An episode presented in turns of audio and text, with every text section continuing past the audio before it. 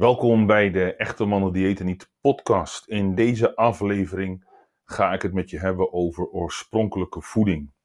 Echte Mannen Diëten Niet is het antwoord op de vraag hoe je kunt afvallen, hoe je een platte buik kunt krijgen, hoe je je lichaam gezond en sterk kunt maken zonder op dieet te gaan, zonder calorieën te tellen en zonder een streng regime te volgen. En dat heeft alles te maken met het leren luisteren, leren kijken, leren meewerken met je lichaam. In plaats van op basis van verouderde ideeën met je lichaam te blijven vechten. Echte mannen diëten niet is gebaseerd op vier pijlers. De eerste pijler, herstel de natuurlijke balans tussen voeden en vasten, heb ik in de vorige aflevering uitgelegd. En de tweede pijler is eet oorspronkelijke voeding. En daar ga ik het in deze podcast over hebben. En dan heb je nog van mij te goed pijler nummer 3. Train intensief met gewichten. En pijler nummer 4. Ga nuchter bewegen. Dat komt in de volgende twee afleveringen aan, aan bod. Dus nu ga ik het met je hebben over pijler nummer 2. Eet oorspronkelijke voeding. What the hell is oorspronkelijke voeding? Als we even een stapje terugnemen, wanneer het gaat over gezondheid, wanneer het gaat over afvallen, dan gaat het in 99% van de gevallen om eten. een advies met betrekking tot gezondheid, daarin staat voeding eigenlijk altijd centraal. En wanneer je kijkt naar echte mannen dieet niet, dan is de eerste stap niet wat je eet. De eerste stap is het herstellen van de balans tussen voeden en vasten. Er is niks gezonder voor je lichaam dan een tijdje niets eten. Dus nog een keer, er is niets gezonder voor je lichaam dan een tijdje niets eten. Dus het allergezondste voedsel op het verkeerde moment doet je lichaam niet goed.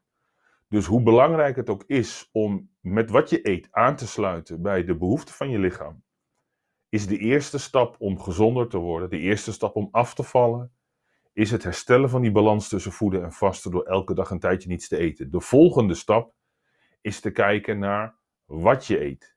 Niet hoeveel je eet, maar wat je eet.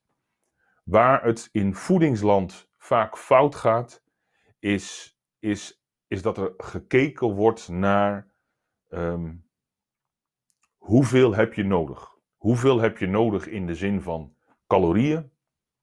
En dan vervolgens wordt daar op basis van algemene richtlijnen, richtlijnen van het voedingscentrum bijvoorbeeld, wordt daar dan een dieet of een plan voor gemaakt. En ik ga helemaal niet, niet verder in op dat calorieverhaal. Dat is iets voor een volgende podcast.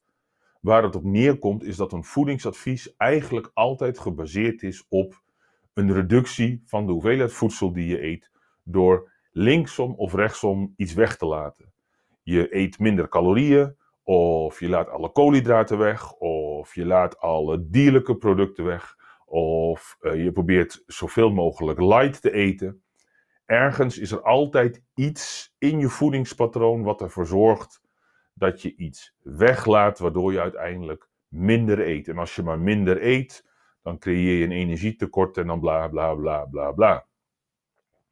Wanneer je kijkt naar hoe je lichaam werkt, wanneer je kijkt naar wat er gebeurt wanneer je gaat eten, dan zie je eigenlijk altijd hetzelfde patroon. Maakt niet uit wat je eet. Je hebt een periode waarin je meer eet dan je lichaam nodig heeft. Dan slaat je lichaam voedingsstoffen op. En dan vervolgens, wanneer je een tijdje niets eet, dan komen die voedingsstoffen weer vrij. Dus de enige manier om je lichaam zo ver te krijgen dat het vet gaat verbranden, is een tijdje niets eten. Ook al eet je een klein beetje, dan eet je op dat moment toch meer dan je lichaam aan kan. Dus je slaat altijd voedingsstoffen op. Daarom is het zo zonde, zo dom eigenlijk, om alleen maar te denken in termen van calorieën of te denken in termen van minder eten. Je begint met het herstellen van de balans tussen voeden en vasten. En vervolgens ga je eten wat je lichaam nodig heeft. En dat is de essentie van oorspronkelijke voeding. Wij zijn als mensen in uiteindelijk miljoenen jaren evolutie. En als je nog verder teruggaat, zijn het miljarden jaren evolutie. Maar de eerste menselijke genoom is ongeveer 8, 9 miljoen jaar oud. Zijn wij in die evolutie steeds meer geworden wie we nu zijn. En ongeveer 200, 250.000 jaar geleden is de menselijke uh, Homo sapiens genoom, onze huidige genen, zijn, zijn tot stand gekomen. Je moet voorstellen dat, dat genen veranderen, genen evolueren in een tempo van een half procent per 1 miljoen jaar. Dus wij zijn genetisch gezien eigenlijk nog steeds hetzelfde. En een aantal dingen zijn kenmerkend voor die menselijke evolutie. En dat is dat wij uh, onze, onze menselijke evolutie, hoe wij nu als, als, als mens gemanifesteerd zijn, bepaald is door de beschikbaarheid van voedsel. Dus de overgang van het eten van alleen maar fruit naar moeilijk verkrijgbaar voedsel, naar uiteindelijk jagen en verzamelen, wat de langste periode is geweest in onze menselijke geschiedenis, is bepalend geweest voor de vorming van ons lichaam. Dus het is niet zo heel moeilijk om te bedenken dat als je wil eten in lijn met wat je lichaam nodig heeft, dat je zoveel als mogelijk moet aansluiten bij dat oorspronkelijke eetpatroon wat wij hadden. En het is ook niet zo moeilijk om te bedenken dat als je nu vandaag de supermarkt ingaat en je ziet al dat bewerkte voedsel, al die pakjes, die zakjes, die kleurtjes, een hele rij met alleen maar koek, een hele rij met alleen maar snoep, mega afdelingen uit de diepvries met pizza's, verschillende soorten patat, allerlei soorten ijs. Het is niet zo moeilijk, je hoeft geen voedingsdeskundige te zijn om te zien dat misschien 80, 90 procent van het voedsel wat voor ons beschikbaar is, ja, dat is niet oorspronkelijk voedsel. Dat is niet het voedsel waar ons lichaam op geëvolueerd is, wat ons lichaam nodig heeft. Het is voedsel wat bedoeld is om geld uit te geven. En het is voedsel wat het je makkelijk maakt om snel iets te eten. Het is lekker, het smaakt, uh, hè, dat is hetzelfde, ik wil zeggen, het smaakt goed. Het is lekker, het is makkelijk en het kost je weinig tijd om klaar te maken. En, en het is allemaal samengesteld op een manier dat je er veel van wilt eten. En dat zie je ook terug. We eten gemiddeld genomen meer dan pak een beetje 50, 60 jaar geleden. En dat komt gewoon omdat we meer bewerkt voedsel zijn gaan eten. Dus wanneer je kijkt naar wat heeft mijn lichaam nou nodig, en dat of het nou eet om gezond te zijn of je eet om af te vallen, maakt niets uit. Dan, dan is het niet meer dan logisch om te kijken naar de behoeften van je lichaam vanuit, vanuit biologisch oogpunt, vanuit evolutionair oogpunt. En dan vervolgens te kijken naar een voedingspatroon wat daarbij aansluit.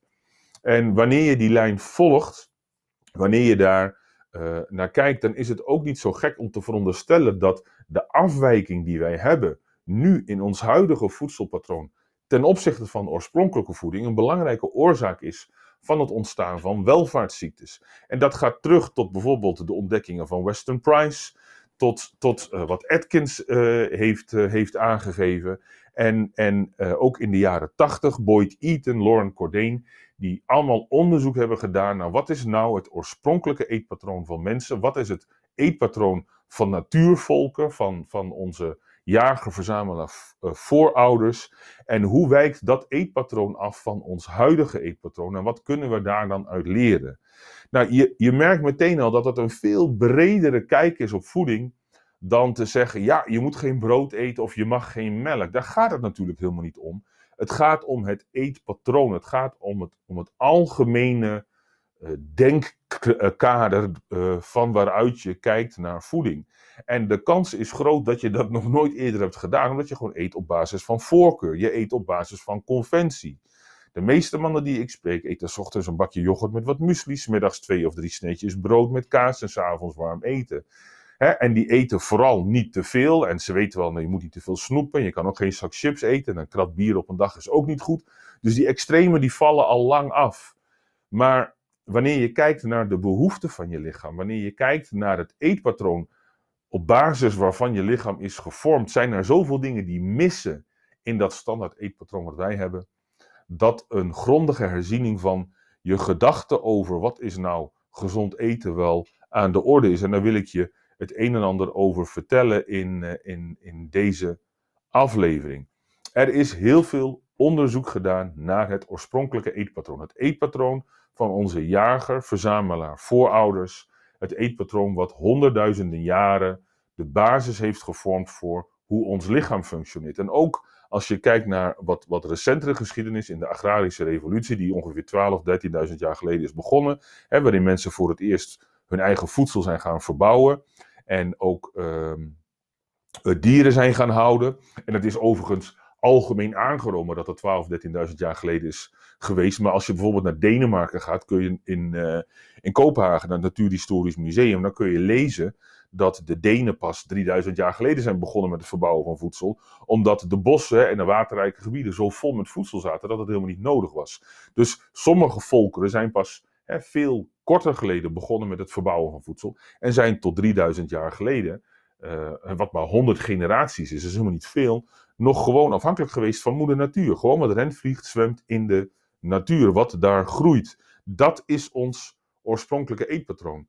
ons oorspronkelijke eetpatroon is gebaseerd op wat rent, vliegt, zwemt en groeit in de natuur en niets anders.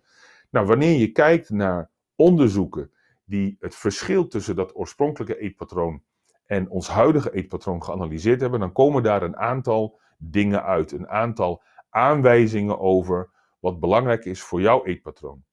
En een van de dingen is dat de glycemische belasting van ons huidige voedsel veel hoger is. Nou, wat betekent dat? Het effect van ons eetpatroon op onze bloedsuikerspiegel is veel groter dan ons oorspronkelijke eetpatroon. En dat komt eigenlijk om twee dingen. We zijn meer bewerkte koolhydraten gaan eten, met name in de vorm van, van granen. En we eten veel meer suiker. Dus het eten wat wij eten zorgt voor veel grotere stijgingen, veel grotere fluctuaties in onze bloedsuikerspiegel. Gewoon omdat we meer koolhydraten en meer suiker zijn gaan eten. Wat ook een belangrijke verandering is, is de samenstelling van onze vetten. Wij zijn vanaf ongeveer 120 jaar geleden veel meer omega-6 vetzuren gaan eten. En uh, het is een beetje een technische term, ik ga het je niet uitleggen, maar waar het op neerkomt, is dat er een switch is gekomen van het eten van uh, vet van dieren, van varkens en roomboter, naar het eten van vet uit zaden. Hè? margarine is gemaakt van, van zonnebloemolie of van raapzaadolie. Hè? En wij eten uh, slaolie en, en sojaolie. Dat zijn allemaal, dat zijn geen plantaardige vetten, het zijn vetten gewonnen uit zaden. En om dat uit die zaden te krijgen, om dat vet daaruit te krijgen, moet je dat intensief industrieel bewerken. En dat proces is 100, 120 jaar geleden is dat uitgevonden. En uiteindelijk is daar munt uitgeslagen, omdat het een goedkoop alternatief voor de natuurlijke vetten was. Dus alle margarines, halverines zijn maximaal 100 jaar oud en zitten vol met meervoudige onverzadigde vetzuren die vol zitten met omega-6 vetzuren. En daar, daar krijgen we veel te veel van binnen. En daar staat tegenover dat we veel te weinig omega-3 vetzuren krijgen, wat natuurlijke vetzuren zijn. En omega-6 en omega-3 hebben we allebei nodig, dus het zijn essentiële vetzuren. Maar die verhouding is totaal out of whack. En dat heeft bijvoorbeeld een veel hogere ontstekingsgraad in je lichaam en een veel grotere kans op hart- en vaatziekten en kanker tot gevolg. Dus de samenstelling van onze vetten is veranderd ten gunste van veel meer omega-6 en veel minder omega-3. Nou, we eten ook in vergelijking met oorspronkelijke voedsel veel minder eiwit. Het voedsel was veel rijker aan eiwit. En het was ook veel rijker aan vitamine en mineralen. En dat komt in de eerste plaats omdat we gewoon veel minder plantaardig voedsel eten. We eten veel minder groente en fruit dan in een oorspronkelijk eetpatroon. Maar door de intensieve landbouw is ook de concentratie vitamine en mineralen in die groente en fruit minder. Ja, en we eten tegenwoordig veel meer granen. We eten veel vaker brood en, en, en dingetjes als havermout en koekjes. In plaats van dat we veel fruit en veel groente eten. Nou, een ander kenmerk is dat we veel meer zout zijn gaan eten, met name door het eten van bewerkt voedsel, en veel minder kalium. En kalium is een mineraal, een, ion, een essentieel uh, bestanddeel van onze voeding. En in je lichaam is die verhouding tussen natrium en kalium heel erg belangrijk. En die is door ons moderne eetpatroon eigenlijk volledig verstoord. Niet alleen maar doordat we minder, uh, sorry, meer zout zijn gaan eten, maar ook omdat we veel minder kalium eten omdat die kalium zit vooral in vers voedsel, in groente en in fruit. En daar eten we minder van. En een consequentie van het eten van minder groente en fruit is ook dat we minder voedingsvezel binnenkrijgen. Dus wanneer je kijkt naar die onderzoeken, en die onderzoeken zijn gebaseerd op studies van meer dan 200 uh, jager-verzamelaar volkeren, die allemaal nog in de vorige eeuw geleefd hebben op een manier zoals wij dat vroeger deden, en onderzoek naar uh, het eetpatroon van onze jager-verzamelaar voorouders door isotopenmetingen in tanden en archeologische opgravingen, dan zie je dat dat de belangrijkste verschillen zijn. En wanneer je dat dan vertaalt naar, naar deze tijd, naar een advies, is dat eigenlijk heel erg zinvol. Wanneer je een oorspronkelijk eetpatroon wilt aanhouden, wanneer je een eetpatroon wilt aanhouden wat aansluit bij jouw genen, bij de behoeften van jouw lichaam, dan is het belangrijk dat je meer eiwitrijk voedsel gaat eten. Het is belangrijk dat je meer groente en fruit gaat eten. Het is belangrijk dat je minder suiker, minder koolhydraten en minder ongezonde vetten eet. Met name door bewerkt voedsel te verminderen. En het is belangrijk dat je de verhouding verbetert tussen de inname van zout en kalium. En, en wanneer, je dat, uh, wanneer je dat hoort, en het is best een verhaal, ik snap dat het misschien, uh, wat zal ik zeggen, vaag is of algemeen is, maar dat is natuurlijk ook in eerste instantie wel heel erg belangrijk. Um, maar wat belangrijk is om te snappen, is dat het veel meer gaat om het eetpatroon. er bestaat geen verkeerde voeding. Er bestaat alleen maar een verkeerd eetpatroon. wanneer jij een keer patat eet, of je eh, eet een keer appelgebak, of je eet een keer drop. Ik bedoel, niemand zal zeggen dat dat gezond voor je is. Niemand zal zeggen dat dat een gezond eetpatroon is. Maar als je dat af en toe eet, is het maar de vraag of je lichaam daar überhaupt schade door oploopt. Belangrijker is dat jij een eetpatroon aanhoudt wat voor het overgrote deel aansluit bij de behoeften van je lichaam. En die behoefte van je lichaam gaat veel verder dan calorieën. De behoefte van je lichaam is gebaseerd op, op de voedingsstoffen die je nodig hebt. En wetenschappers hebben daar onderzoek naar gedaan en er is een lijst uitgekomen met 39 essentiële voedingsstoffen. Dat zijn 39 voedingsstoffen die je lichaam eigenlijk elke dag nodig heeft. En die, niet uit je, uh, die je lichaam niet zelf kan maken. Dus bepaalde voedingsstoffen heeft je lichaam nodig. Glucose is daar een voorbeeld van, maar dat kan je lichaam zelf maken. Dus het is een niet-essentiële voedingsstof. Nou, die essentiële voedingsstoffen, de eerste is vocht. Dat is de allerbelangrijkste. Dus het optimaliseren van je vochtinname, dat is prio nummer 1. Wanneer je kijkt naar een oorspronkelijk voedingspatroon, want voeding is eten en drinken. Dus het optimaliseren van je vochtinname is belangrijk. Dan vervolgens zijn er negen essentiële aminozuren die je lichaam nodig heeft. Die krijg je alleen maar binnen door het eten van voldoende eiwit. En dan met name de dierlijke eiwitten, die bevatten veel van die essentiële aminozuren. Vervolgens heb je twee essentiële vetzuren die je binnen moet zien te krijgen. Dat is een omega-6 vetzuur, dat is uh, linolzuur en een omega-3 vetzuur, dat is alpha-linoleenzuur. Die twee zijn zijn essentieel. Daar moet je voldoende van binnen krijgen. En dan zijn er nog iets van 26, zeg ik uit mijn hoofd, vitamine en mineralen. Die je vooral binnenkrijgt door veel plantaardig voedsel te eten. Door uh, bijvoorbeeld ook uh, uh, af en toe orgaanvlees te eten. Of in ieder geval een grote variëteit aan vers voedsel, groenten en fruit te eten. Dat bij elkaar is een oorspronkelijk eetpatroon. En dat gaat dus veel verder dan het uitsluiten van een broodje of het uitsluiten van een glas melk of iets zeggen over of koffie wel of niet gezond is. Het gaat er ook niet om, eh, zoals bij bijvoorbeeld het paleo-dieet uh, vaak uh, uh, het uitgangspunt is, was het 15 of 20.000 jaar geleden beschikbaar? Hè, was, was er 20.000 jaar geleden vol vette yoghurt? Nee, dat is er niet. Ah ja, dan mag je het niet eten. Oké, maar er is genoeg epidemiologisch onderzoek wat laat zien dat het eten van vol vette yoghurt eerder je gezondheid verbetert dan verslechtert. Dus je kunt dat prima eten. Het gaat erom dat je uh, eet op een manier die aansluit bij de behoeften van je lichaam. En wanneer je kijkt naar waar je lichaam behoefte aan heeft, dan is het dus belangrijk dat je voldoende eiwitrijk voedsel eet. Dus voldoende vlees, vis, kip, eieren, eventueel zuivel. Uh, plantaardige bronnen van eiwit zijn bonen, linzen en noten. Dat, dat is prio nummer 1. Vervolgens moet je ervoor zorgen dat je voldoende groente en fruit eet. 500 gram per dag is eigenlijk het minimum. Dus dat betekent dat je niet alleen maar s'avonds een plukje groente bij het eten eet, maar dat je ook als je een ontbijt eet er groente doorheen doet. Dat als je smiddags gaat eten, dat je er groente doorheen doet. Dat je misschien gaat snacken, uh, maar dan eet je groente en je eet fruit. Verder is het belangrijk dat je gezonde vetten gaat eten. Dus dat je de, de industriële meuk, alle halverines, margarines, vloeibare bak- en baardproducten, zonnebloemolie, uh, mayonaise gemaakt van raapzaadolie, dat je dat allemaal tot een minimum beperkt en dat je gewoon weer natuurlijke vetten gaat eten. Bijvoorbeeld in kokosolie, in roomboter en dan het liefst van koeien die gras hebben gegeten en in koud geperste extra virgin olijfolie, daar zitten gezonde vetten in. In ongebrande noten zitten gezonde vetten. In olijven en in avocado zitten gezonde vetten.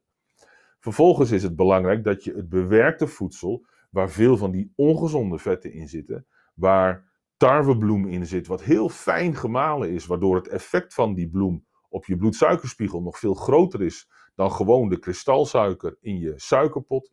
Maar ook de suikers, dat die zoveel mogelijk weggelaten worden uit je voeding. Je wilt dat je bloedsuikerspiegel stabiel blijft gedurende de dag en niet met pieken en dalen de dag doorgaat, waardoor je nadat je iets gegeten hebt binnen twee uur alweer staat te rammelen, omdat het allemaal alweer door je systeem is.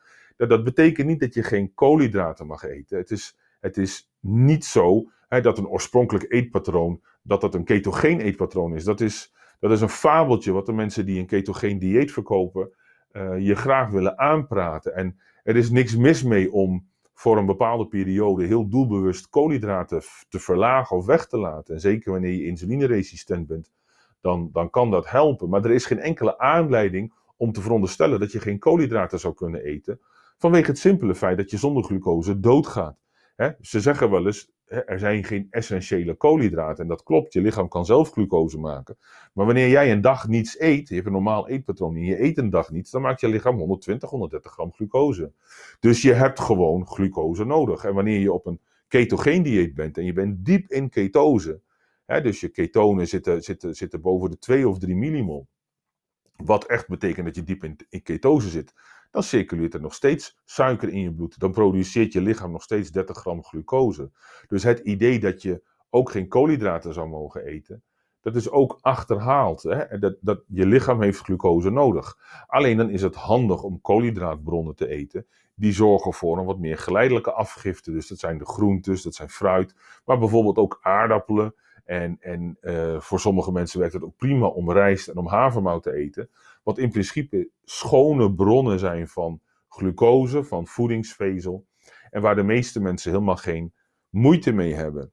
En wanneer je denkt over voeding en je denkt over afvallen. En je laat het hele idee van minder eten even los. En je focust je op het eten van complete maaltijden. Die je lichaam alles geven wat je nodig hebt. Dan betekent dat dat je een grote portie eiwit eet bij iedere maaltijd. Het betekent dat je een grote portie groente of fruit eet bij iedere maaltijd. Het betekent dat je ervoor zorgt dat je je, je vetten vervangt, dat je gezonde vetten gaat eten. En dat betekent dat je uh, iets van aardappel of rijst of weet ik veel wat bij je maaltijden gaat eten, afhankelijk van je behoeften. Wanneer je dat doet in die volgorde, zul je merken dat de verhoudingen beginnen te veranderen. In plaats van dat je enorm koolhydraatrijk voedsel, een voedselpatroon hebt en met enorm veel ongezonde vetten, reduceer je op die manier automatisch de hoeveelheid koolhydraten in je voeding. Je gaat gezondere vetten eten, je eet meer eiwit en je eet vooral meer groente en fruit.